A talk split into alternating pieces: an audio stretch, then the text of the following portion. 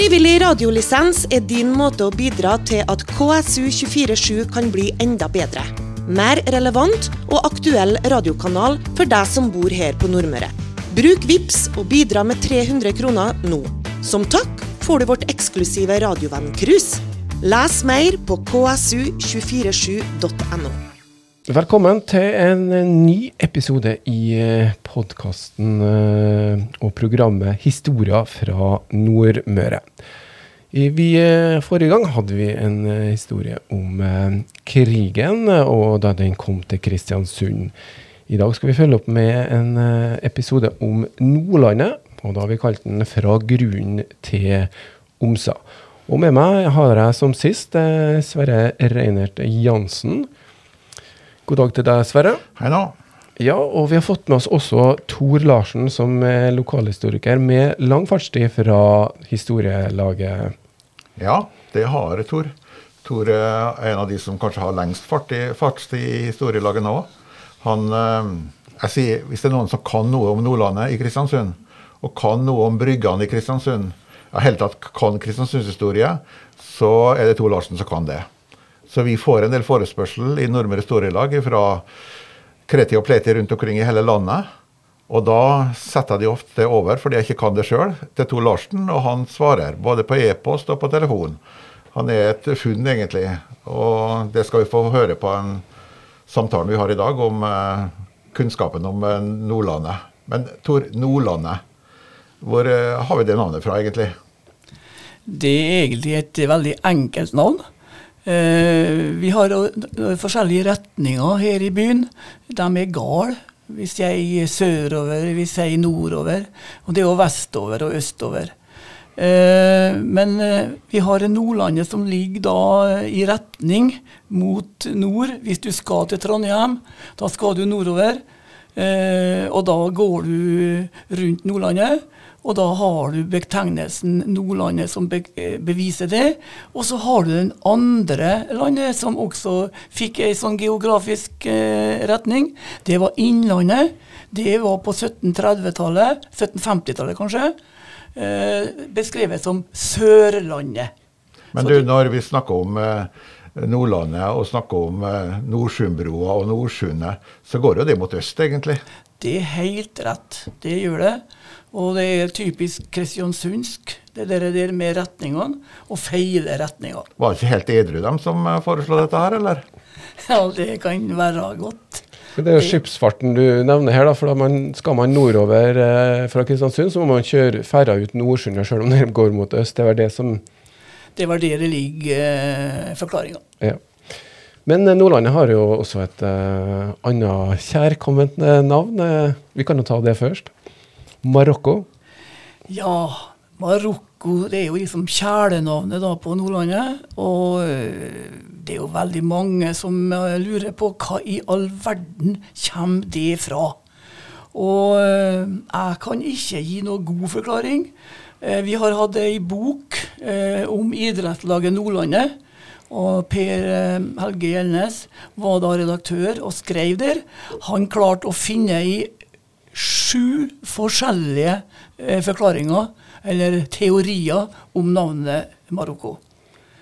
Det, er, det går ofte på sjøfolk og ting som har skjedd i utlandet, og at Marokko kanskje var et uh, urolig land. Der var de kanskje ikke så, så rolig av seg. Og nordlendingene var kanskje litt prega av det, dem òg. Så altså litt eksotisk eh, relatert, sånn som eh, Tahiti for den saks skyld. Eh, når oppstår de navnene her, egentlig? I hvert fall Marokko? Nei, Det er litt forskjellige meninger om det òg. Han tidligere kringkastingssjef Kåre Fostervoll, som vokste opp inne i Dalvikan på Nordlandet, nesten Vikan. Han mener at uh, de første gangene, eller de tidligste tidene de snakka om Marokko, det kunne være i spansketida, når uh, det var en stor kleppfiskhandel med Spania og Italia. Og han uh, tror sjøl at det kommer av at båtene fra Kristiansund måtte betale en avgift når de skulle gjennom Gibraltarstredet. Og det likte de veldig dårlig, både sjøfolkene og eh, eh, de som drev med eh, eksport av klappfisk fra Kristiansund. Så de, det var et skjellsord nesten, Marokko. Og når kirkelendingene var litt eh, misfornøyd med nordlendingene, så ble Marokko-navnet og marokkanere brukt i nedsettende betydning. Skriver en Kåre Fostervold.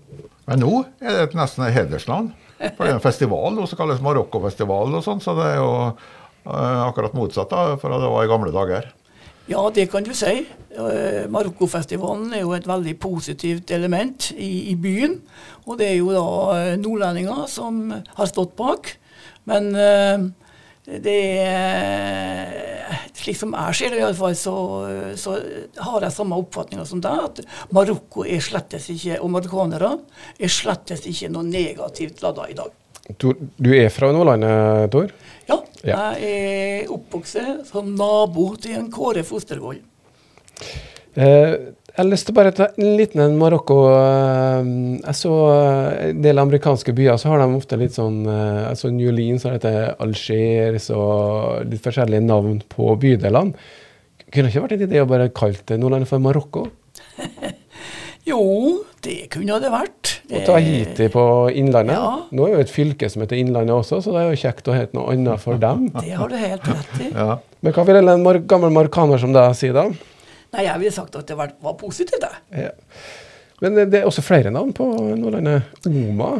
Ja, det er vel kanskje det eldste navnet. Men det er et navn som uh, nesten ingen vet hva kommer fra, og om det er brukt mye. Det er mulig det går eh, fra et navn som ble kalt for Omsøy. Altså I Kristiansunds historie i bind 1 så er det litt riktig gammel historie som uh, blir omtalt. Og Omsøy er et navn som Nordlandet også kunne ha vært kalt. Og av Omsøy så er da kommet om, Oma og Omsa. Omsa tror vi eh, er et navn som er avleda av Omsøy. Men mer vet vi ikke. Men et navn som er brukt en god del. Og hvis, hvis du tenker litt historisk, så hadde vi et, et, et eh, Kan du si eh, Oma-bøndene på Nordlandet, altså de bøndene som drev på Nordlandet, hadde et eget salgsapparat og solgte melk. Så Oma-navnet finner vi også i en losji på Nordlandet som het Losji Oma. Så eh, vi, vi, det er ikke helt borte vekke. Så nå er det eh, Omagata som henger igjen? Ja, det er riktig. ja, mm. ja, Nordlandet er jo er eh, en del av Kristiansund nå, men det har ikke alltid vært det, Tor? Nei, det er kanskje ikke så mange som tenker over i dag. fordi at uh, det er ikke noe normal grense mellom uh, de to delene, som, uh, hvor den vestligste delen hørte byen, mens den østligste delen hørte Bremsnes kommune. Og det var veldig rart at du måtte gjennom Kristiansund for å komme deg til din hjemkommune og der kommunesenteret lå. Så eh, grensa gikk, kan vi si litt enkelt sagt, i Melkvikan. Eh, følger veien omtrentlig. Og går da over eh, mot Vikan. Og da når Nordmørsveien går forbi eh, de ulike store byggene, så gikk grensa på nordsida av Nordmørsveien. De hørte Bremsnes. Og nedover mot Vikan, de hørte byen. Det var den gamle grensene eh, For Futura, altså, det hørte egentlig til uh, Dale, det? da? Futurasenteret, mener jeg? Nei, det gjorde faktisk ikke det. For grensa gikk litt skeivt. Uh, veien som går på andre sida av Futura uh, Nå husker ikke jeg om det kan, hva den heter i dag. Uh, den var egentlig grense. Så Futura og den gården som Futura er anlagt på, eh, det vi kaller for Ranheimgården, ja. den hørte faktisk start til i Kristiansund. Ja. Så grensa gikk skeivt helt ned til eh, fotgjengerovergangen, lyskrysset, eh, nærme svingen av Grasted. Men Gikk en derifra og rett ned til sjøen, da? Eller, Da gikk en eh, ned, eh, Fra den Gravstedsvingen så gikk en ned til Melkvikan. Mens den andre gikk da innover mot uh, Kvenberget. Ja. Og når du kommer til eh, Ja, skal vi si da Vinje? Bilutsalget? Ja, Vinje er et veldig godt. Der gikk eh, bygrensa. All right. Og da gikk grensa ned til sjøen. Ja. Men hadde det noe praktisk betydning eh, sånn i hverdagen til folk, eh, det her, da? Annet enn at hvis du bodde i det huset, så var du averøying, eh, mens hvis du bodde i andre, så var du Kristiansund her. Så veldig stor betydning hadde det ikke. Men det er klart at når vi tenker på en del praktiske ting, kommunesenter, så var jo det litt tungvint for dem som bodde på Dale-området. Det var jo der de fleste bodde. Så de måtte da eh, reise med båt fra byen og så til Bruhagen. Men eh, ellers så var det slik at før 1961, da grensa ble eh, endra, slik at eh, ble eh, en del av byen, så var det jo en del da som bygde hus før den tida. Og de hadde mye enklere regler. Ikke, var ikke nødvendig med så mye papirarbeid. Du kunne bygge husene dine nesten slik som du sjøl ville. Men i byen, der var det strengere regler. Sånn som det er kanskje også nå, men eh, mer harmonisert plan- og bygningsloven. Skal ikke gå inn på den. Eh, eh, Nordlandet er jo, som resten av Kristiansund, prega, i hvert fall nyere bebygning, av at det ble ganske rasert under krigen. Kan du fortelle litt om krigen og hvordan det påvirka Nordlandet? Jeg kan si det slik at eh, Nordlandet, eh, som, som Kirkelandet, ble veldig veldig prega av det som skjedde i, under bomminga og brann. Eh, folket på Nordlandet, det var det meste av dem som bodde i byen. Det var rundt Nordlandskaia, en del av Nergata, og det vi kaller for Grunn. Og så hadde vi en liten del mellom Dalegata og Grunnen som vi kalte for Skinnfelldalen. Det er det området som ligger nedafor eh, parken på Nordlandet. Og der var den største befolkninga. Ganske mye folk. Veldig tett bebyggelse. Og gammel bebyggelse, slik at det var veldig dårlig standard på hus. Det var det Og da ble det Det her brant jo opp under krigen, da. Det brant eh, slik at det sto igjen en brannstasjon.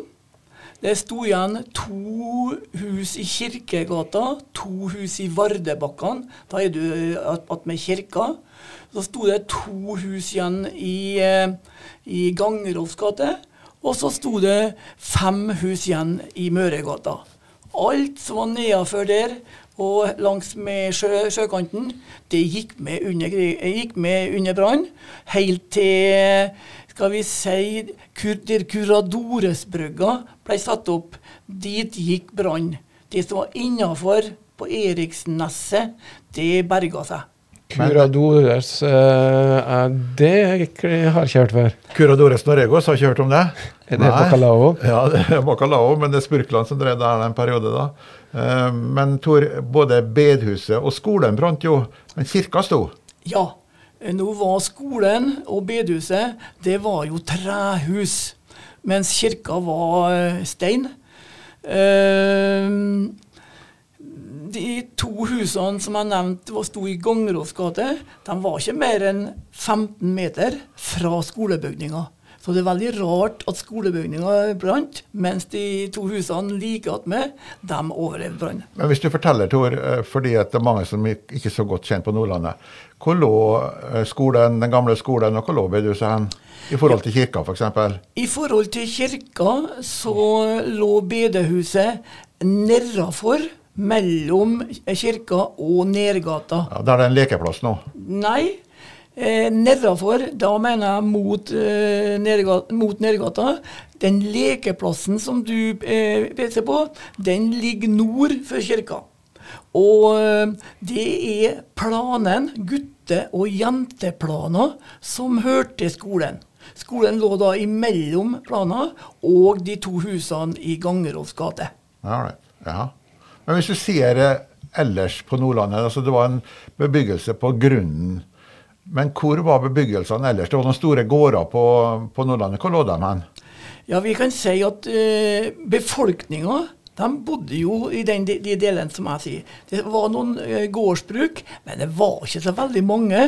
Men når jeg teller opp gårder, så hadde vi i den gamle bydelen som hørte byen, vi hadde faktisk tatt 17 gårdsbruk. Ja, riktignok noen små, men de hadde minst to kyr.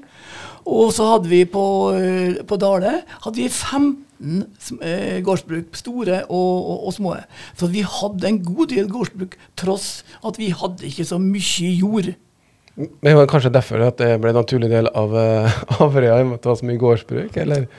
Nei, det skal jeg ikke si for godt. Jeg skal bare skal ikke bryte av så mye, men altså Dale gård Dale Hvordan så det ut der? Ja, Vi ville tro i dag at Dale det var et stort område. Bodd mye folk der. Men det er noe som ikke var riktig i litt eldre dager.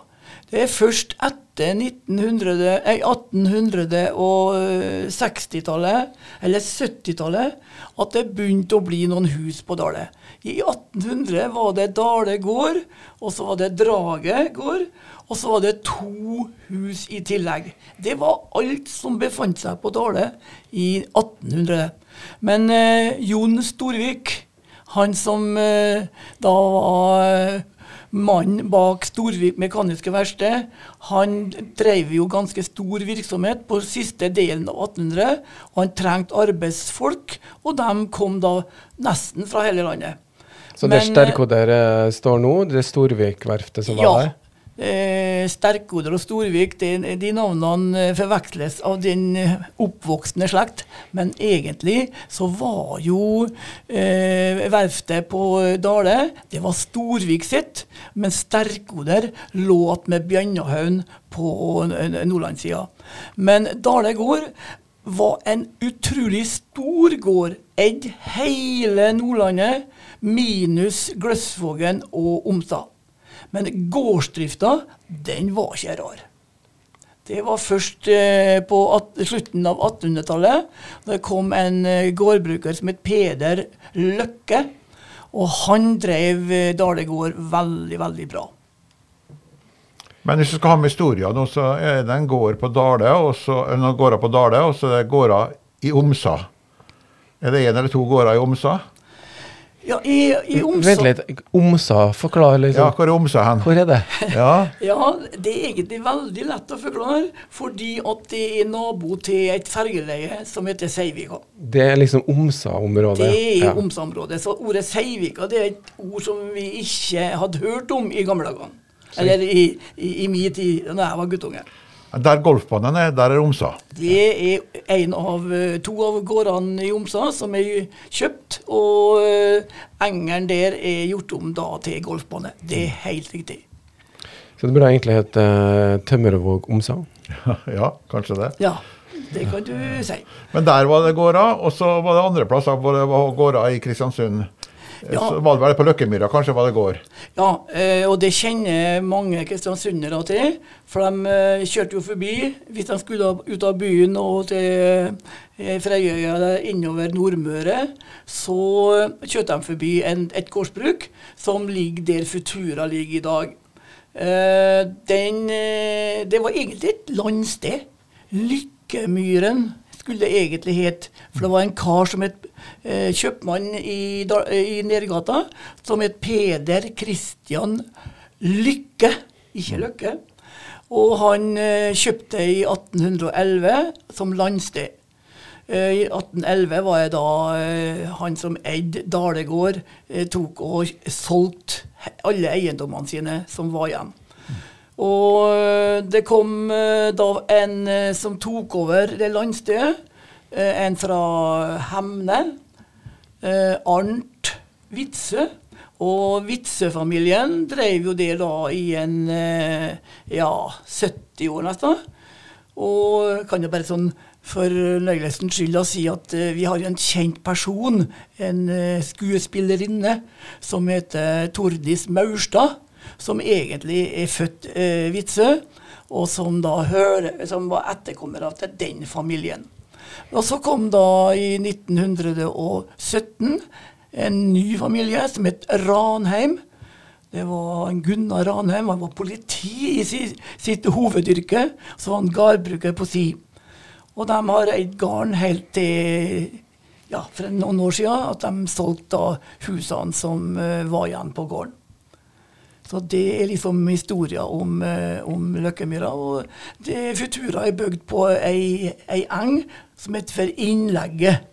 Pussig navn, men det er han uh, tidligere formann i, i historielaget, han Jan Leite, fortalte meg. Ja, Jan Leite han er jo egentlig verdt en hel episode eh, med sitt engasjement. Og han har jo også satt opp et lite uh, minne Vi har et uh, fond som kalles Leites minnefond. Og han solgte jo en del eiendommer til, ja, til oljebasen, og det ble en del penger. Og det ga han til Nordmøre Historielag, som vi deler ut til ja, dem som skal um, lage bøker eller andre ting, og som skal ha midler til det. Så det, vi deler ut ganske mange penger til forskjellige prosjekt på Nordmøre. Hvor bodde han?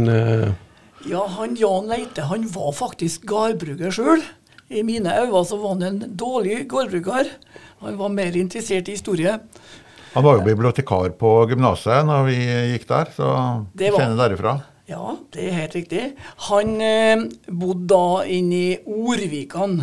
Altså Foreldrene hans kjøpte da det gårdsbruket som kaltes for Orvikan.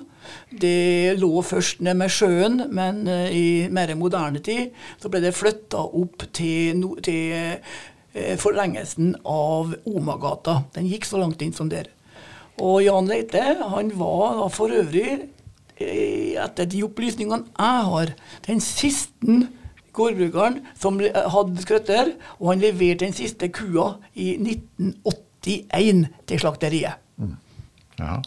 Så jeg ble bare biblioteket på gymnaset som jeg, og jeg må jo innrømme at jeg hadde noen uh, litt lengre pauser i timene av og til, og da var jeg jo stikk på biblioteket og sitte der og prate gjerne litt med uh, Leite, da. Så han er jo en eh, person som veldig mange som har gått på gymnaset og Atlanten videregående som heter i dag. ja, og Vi hyller han i Nordmøre Storelag, hyller Leite. Vi minnes han ofte. og Han var jo en globetrotter også. Reiste jo verden rundt, og det var jo oppslag i Tidens Krav eh, årlig om hans mange reiser.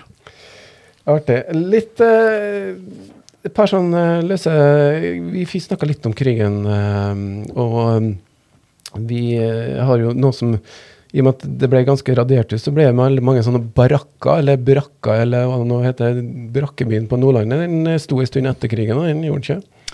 Jo da, det gjorde han. Eh, det ble jo tre store barakkebyer i byen. På Sankthanshaugen, på Gommalandet og barakkene på Nordlandet. Vi sa bare barakkene på Nordlandet, da visste alle hvor det var.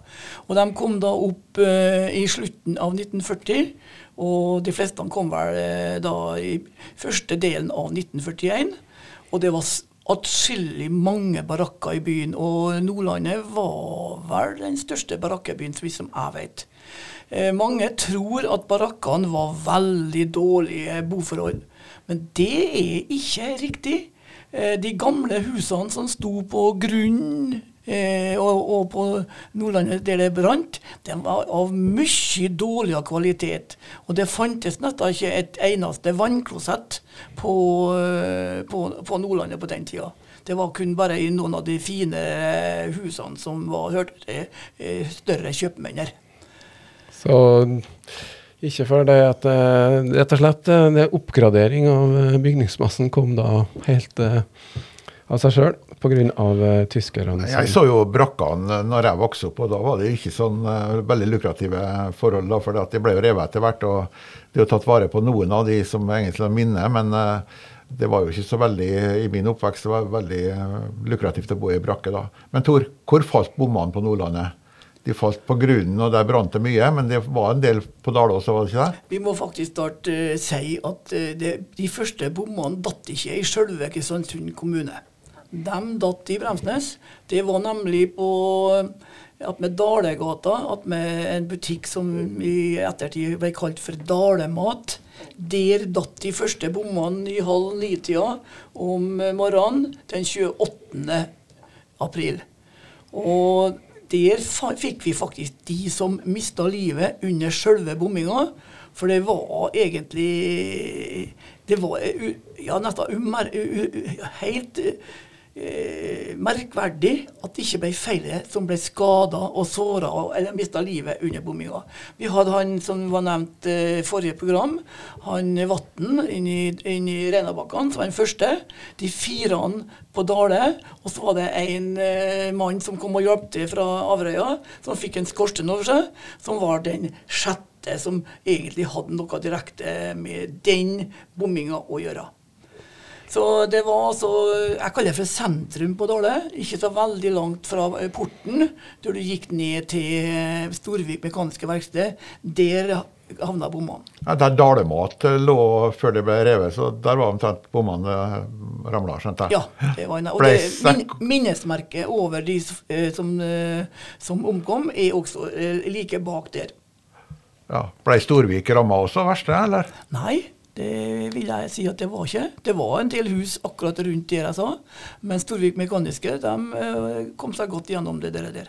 Vi skal dra enda lenger tilbake i tid for eh, Nordlands del, om ganske så snart, men vi tar en liten pause. Frivillig radiolisens er din måte å bidra til at KSU247 kan bli enda bedre. Mer relevant og aktuell radiokanal for deg som bor her på Nordmøre. Bruk VIPS og bidra med 300 kroner nå. Som takk får du vårt eksklusive radiovenn-cruise. Les mer på ksu247.no.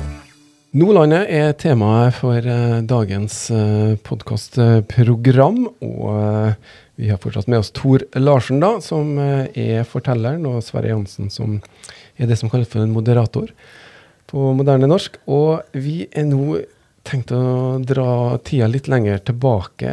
Det foregikk jo en del ting i Kristiansund også. Og det var ofte noen kriminelle som eh, da måtte rett og slett eh, i gamle dager tok livet av. Og det her eh, sistemann som gikk i vei, var ikke det på Nordlandet, Tor? Det kommer noe sistemann, var det det? Var...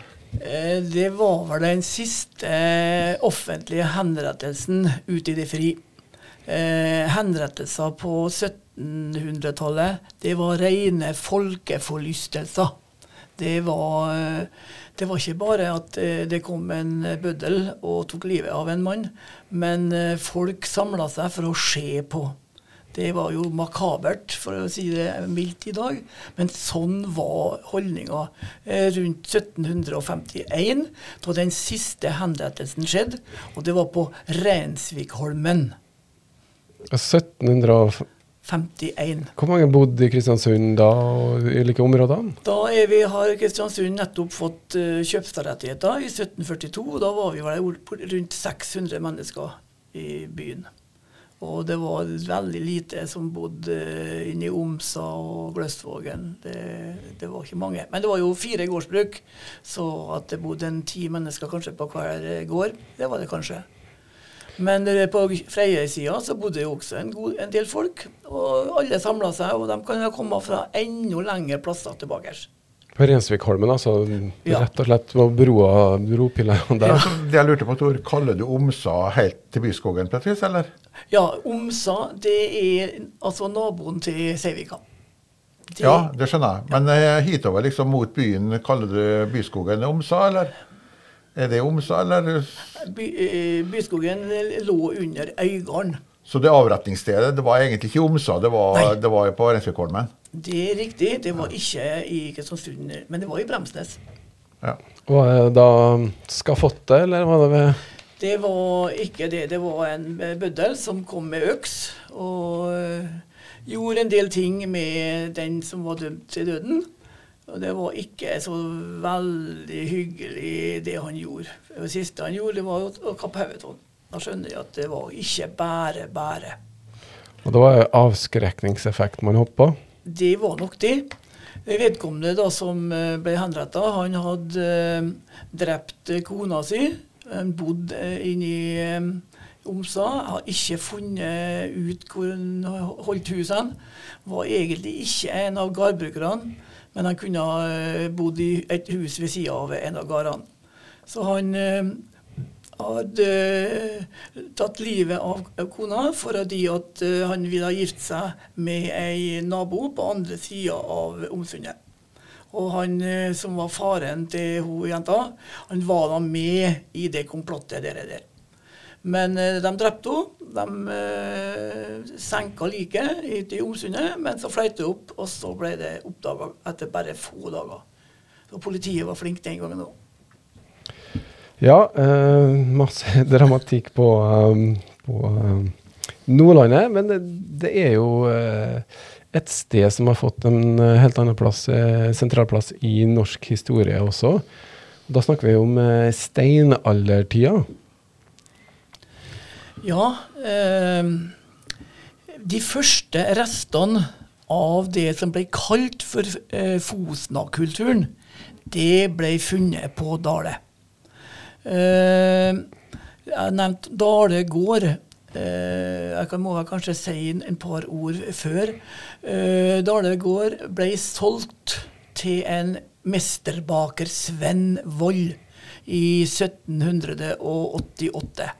I 1786 så hadde han uh, laga tre kornmøller som han har uh, laga, og de sto der skipsverftet kom seinere.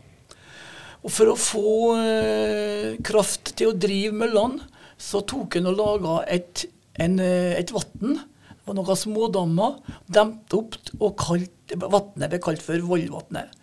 Og det gikk da en eh, Anders Numedal, en eh, lektor fra gymnaset, eh, og kikka seg litt rundt. I 1909, tror jeg det var.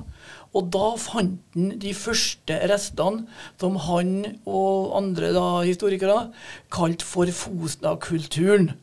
Og det var, det var altså i 1909, tror jeg det var. Pilespisser og rester etter bosetninga da? Ja. Det, vi tenker på at Vannet den gangen var jo en 30-40 meter høyere enn det er i dag. slik at det var jo egentlig der kanskje de bosatte seg, da, for de hadde båter og sånn og dro inn til Vollvatnet. Han hadde nok litt peiling på det, han Anders Nubbedal. Så det har aldri vært noe, noe ordentlig vann der, men det var sjø. Det var sjøkanten. Det var ei lita slette som ligger opp med vannet i dag en dag, som, hvor han fant de restene. Og det var sannsynligvis rester også etter boplasser som har vært med Vollvatnet.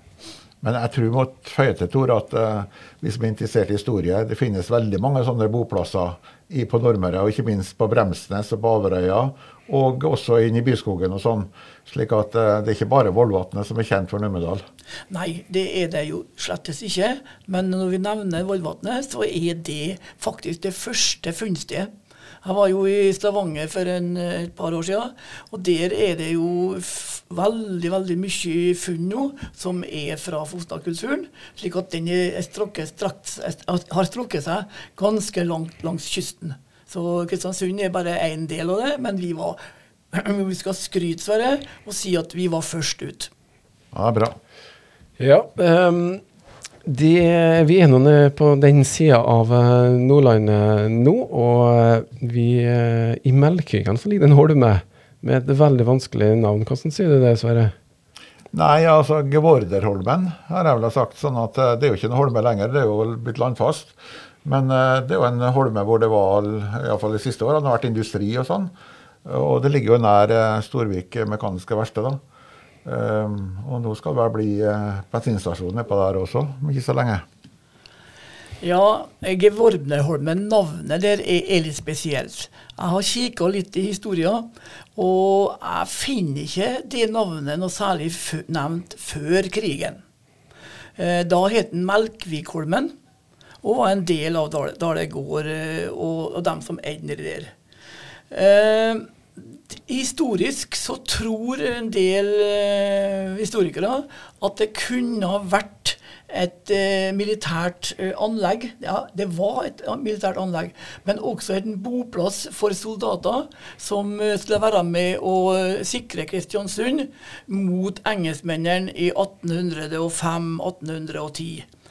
Og eh, vi tror at de soldatene det kunne være verva soldater.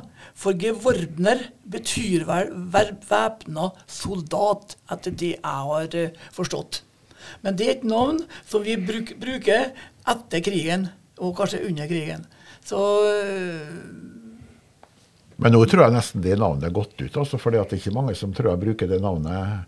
Jeg vet ikke om det er noen som omtaler den Holmen lenger som uh, nå holmer utover det industrianlegget som ligger der. altså. Den ble jo, det ble jo fylt ut når uh, Sterko, mekaniske verksted, fikk nye eiere, Kamsvåg-brødrene. Og da kom jo, kom jo Holmen bort, for å si det sånn.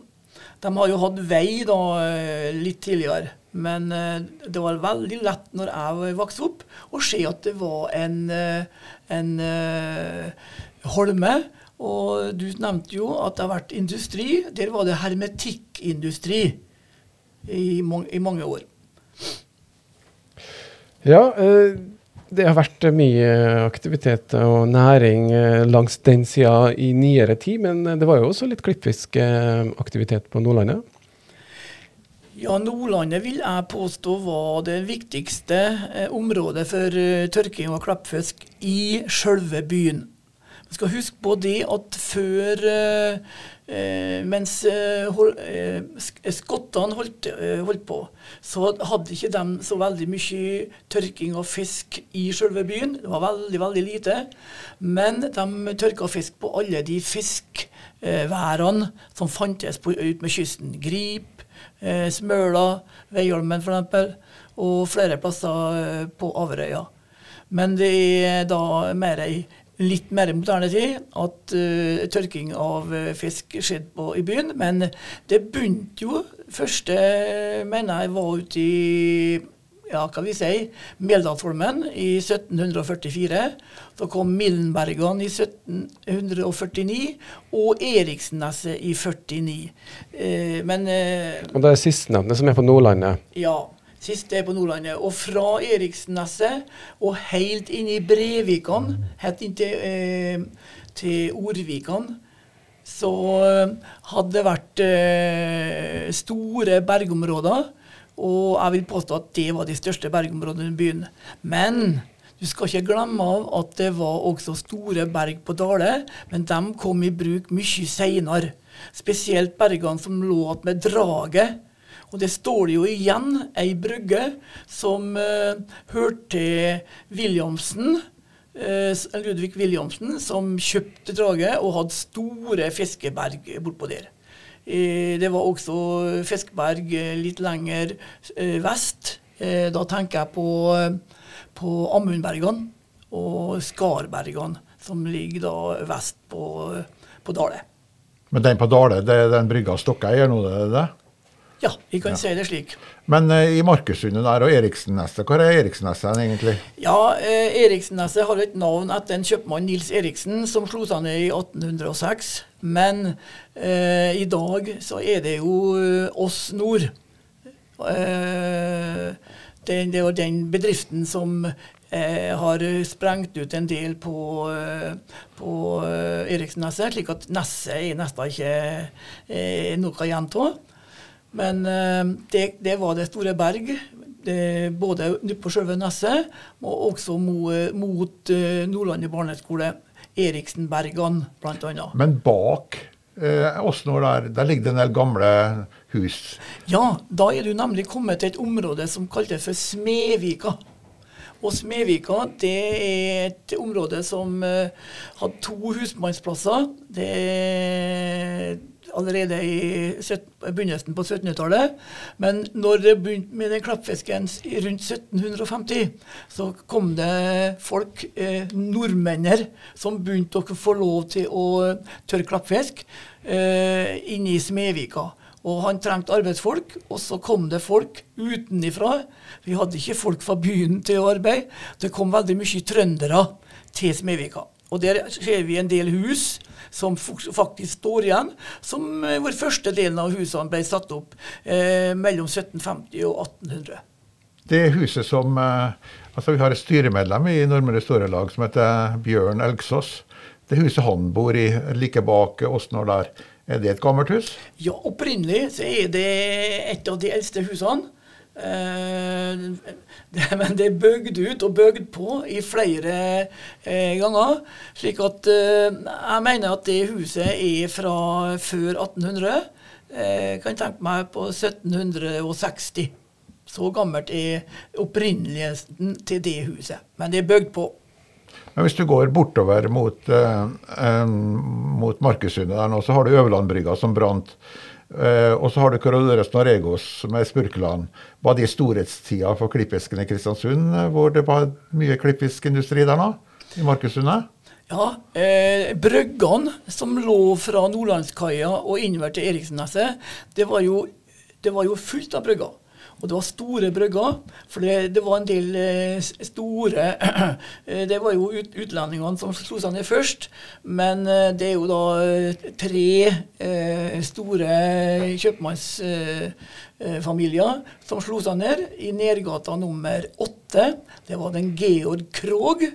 Han var svigersønn til en Rasmus Brochmann Parelius, som bodde i Nergata 12. Og Nergata 12 er det flotte huset som også går under navnet Gjellkremhuset. Og i Nergata 16 så fikk du eh, broren til en Rasmus som het, eh, som het eh, Nils Parelius, som bodde i Nergata 16. Og alle dem eh, drev veldig stort i, i Kleppfisk og hadde store brygger i det området. Og bare for å si en ting til. Det var ikke bare klappfest de drev med. De drev med sild. Og han eh, Rasmus Barelius hadde et eh, klengenavn, og det klengenavnet var Silde-Rasmus. Nevnt Krog, så Krogenga oppå Nordlandet, det nye boligfeltet der, det har sitt navn eh, derav, da? Det har det, men opprinnelig var det svigerfaren, han Rasmus Brochmann Barelius, som hadde det. Men han overtok jo både eh, nummer åtte og nummer tolv, han Georg Krogh. Krog. Og da fikk den enga navnet etter han. Så det henger igjen etter Georg Krog, Krogenga. Og dem hadde fjøs og fire kyr og budeie. I tillegg til at de drev med klappfisk og sånn. Fire kyr, da snakker vi mellomstort gårdsbruk? Ja, men sikkert fra den tida så var det noe sånn, ja. Det var mange kjøpmenn i det hele tatt, eh, ikke minst på Nordlandet, som hadde gjerne ei ku. Det var ikke store skvetten med eng de hadde, men de hadde som regel ei, ei ku. Kanskje to, men da, da, måtte de ha litt mer eng. Jeg kan nevne én ting i forbindelse med han der eh, som bodde i Nedergata 22, han Nils Parelius. Han eh, dyrka opp et Ja, dyrka og dyrka. Han eh, opparbeidet et område som eh, han hadde kjøpt. Eh, eh, og det skjøtet, det sto det at det var Jeg selger en stykke eng som består av bare sten. De var ærlige og redelige når de kjøpte og solgte den gangen. Men han Nils Parelius opparbeidet et område ved sida av kirka, som ligger sør for kirka. Og det kalte han for Nordlandet park. Og det ga han i gavebrev til Kristiansund kommune 17. mai i 1873. Så Nordlandet hadde egentlig en park lenge før de fikk parken ned med grunn. Men eh, Kristiansund kommune var ikke så veldig flink å ta vare på. Men Tor, nå eh, er vi omtrent eh, ved den siste boka til Edvard Hoem.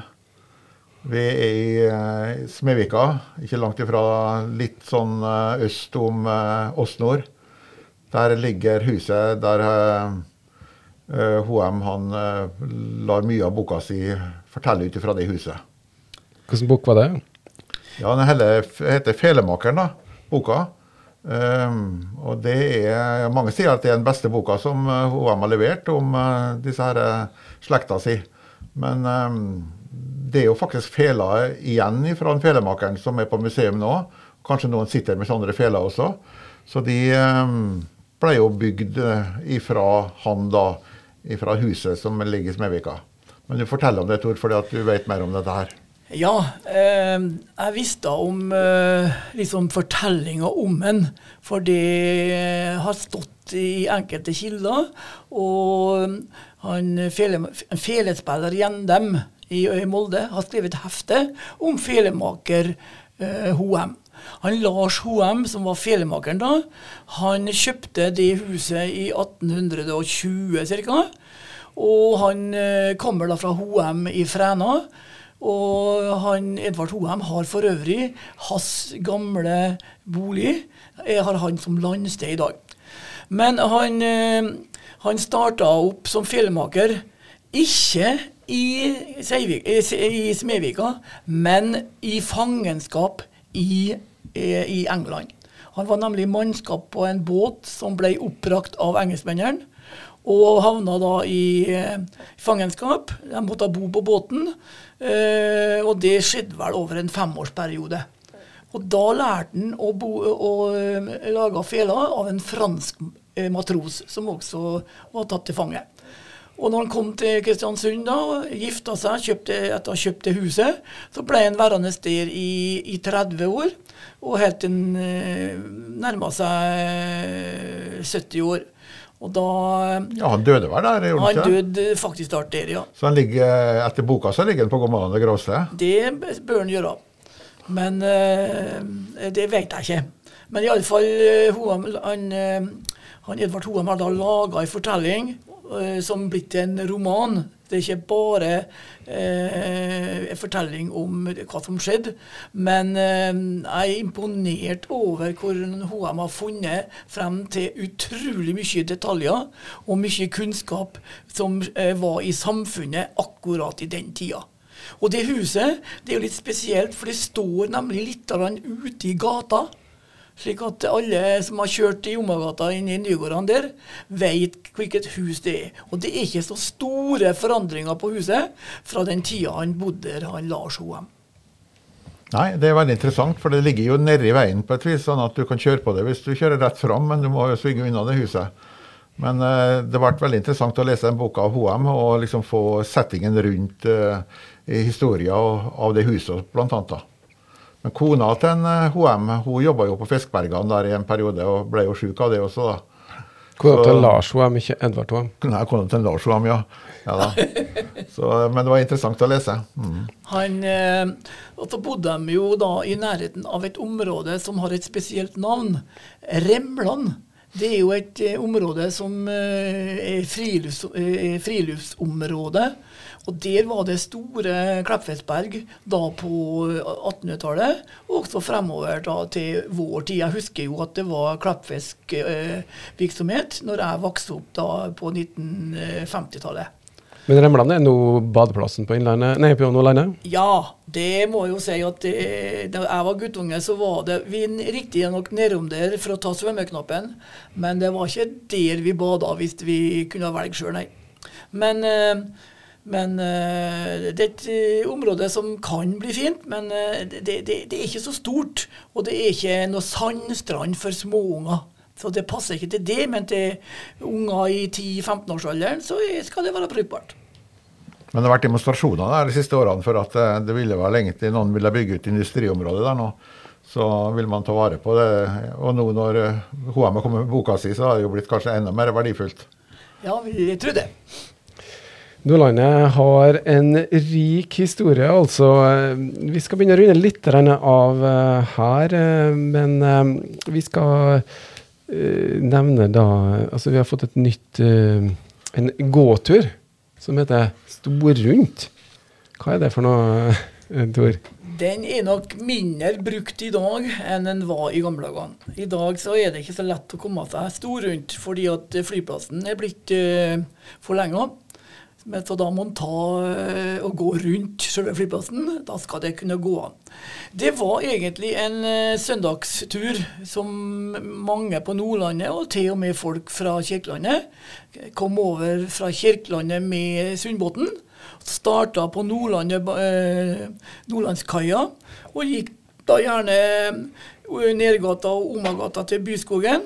Der kunne de få seg kaffe i kafeen. Og det kunne du kjøpt deg is og brus, det var mange ting. Men det var jo dårligere med penger, da, kanskje. Og så gikk de videre eh, innover mot Gløsvåg, mot Omsa. Og der veien gikk da et kryss, og så eh, tok du av, og så gikk du mot Gløsvågen. Og fra Gløsvågen så fulgte du veien utover Dale og Melkvikan, og så kom du da tilbake til Nordlandskaia. Det kalte jeg for storrundt, og jeg tviler på at det er så mange som går den eh, runden i dag. Men på, eh, ja, både under og etter krigen var det veldig mye folk som gikk, og da var det naturlig med et stopp i Byskogen. Men folk gikk ikke bare fordi at de gikk også båter om søndagene inn bl.a. til, til Byskogen. Folk skulle på landsted til Ynglingeforeningen f.eks., så tok de båt ofte innover hvis de ikke kunne gå. Ja, det er riktig, Sverre. Men det skjedde nok uh, før krigen.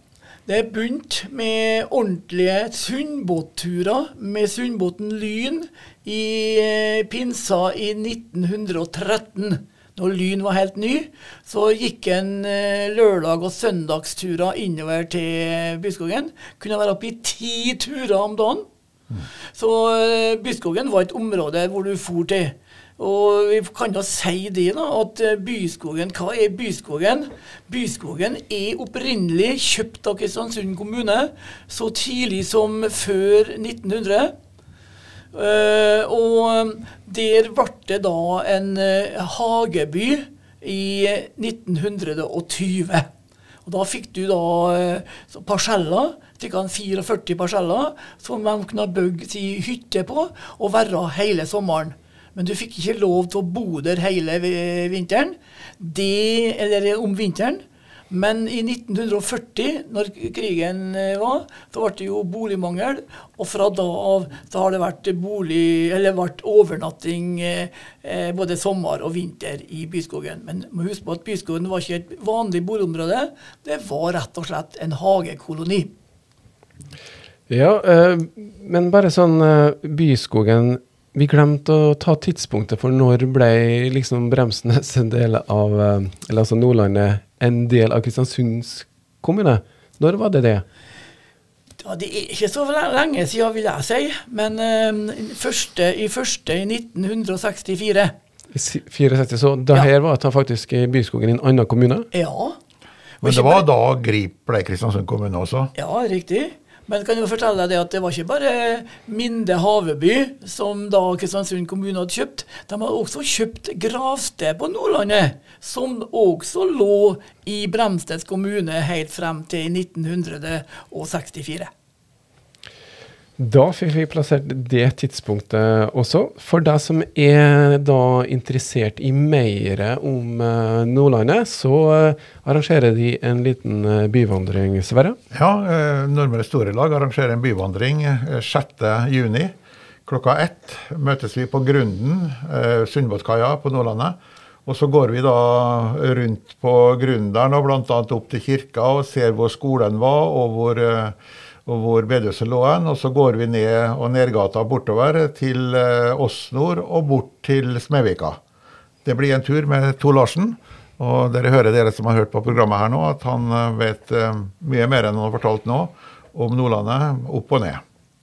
Det får du den 6. juni, altså. Så uh, frem til da så skal du fortsette å høre på oss. Og hvis du har en uh, tilbakemelding til oss uh, om programmet, eller forslag til noen som kanskje burde ha vært med, eller du sitter med noe materiale som du kunne tenkt deg å snakke om, så er det bare å sende oss en e-post på post alfakrøll ksu247.no. Så kan det hende vi får med enda mer lokal historie. Takk til deg, Tor Larsen. Ja, da. Og Sverre, du er med oss neste gang. og Hva slags eh, plan har vi for neste program? Da har vi planen om å snakke om Gommalandet. Eh, vi holder oss eh, i Kristiansund så langt, men Gommalandet det har også sin historie. Og vi har en kjent historiker som heter Ove Bjerkan, som skal fortelle om Gommalandet. Da sier vi velkommen tilbake.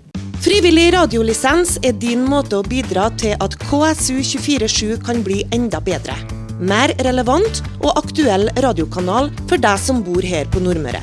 Bruk VIPS og bidra med 300 kroner nå. Som takk får du vårt eksklusive radiovenn-cruise. Les mer på ksu247.no.